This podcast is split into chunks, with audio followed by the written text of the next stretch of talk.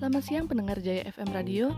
Siang ini saya Britney kembali ke ruang dengar Anda dengan sejumlah berita dalam dan luar negeri. Informasi pertama datang dari negeri Gingseng, Korea Selatan. Melansir dari laman berita Korea Times tanggal 3 November 2020, di tengah kasus COVID-19 yang masih bertambah, Kementerian Pendidikan Korea Selatan sudah membuat 10 prioritas kebijakan untuk pendidikan pasca COVID-19.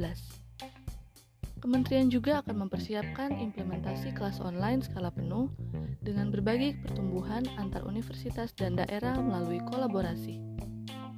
Ini akan mendorong kerjasama antara universitas dan komunitas lokal untuk pengembangan kapasitas manusia dan meningkatkan kualitas pelatihan kejuruan di institusi pendidikan tinggi. Kebijakan yang sudah dibuat akan diumumkan setelah pengumpulan pendapat dari pihak-pihak terkait seperti bidang pendidikan, para pakar, guru, siswa, dan orang tua pada akhir tahun.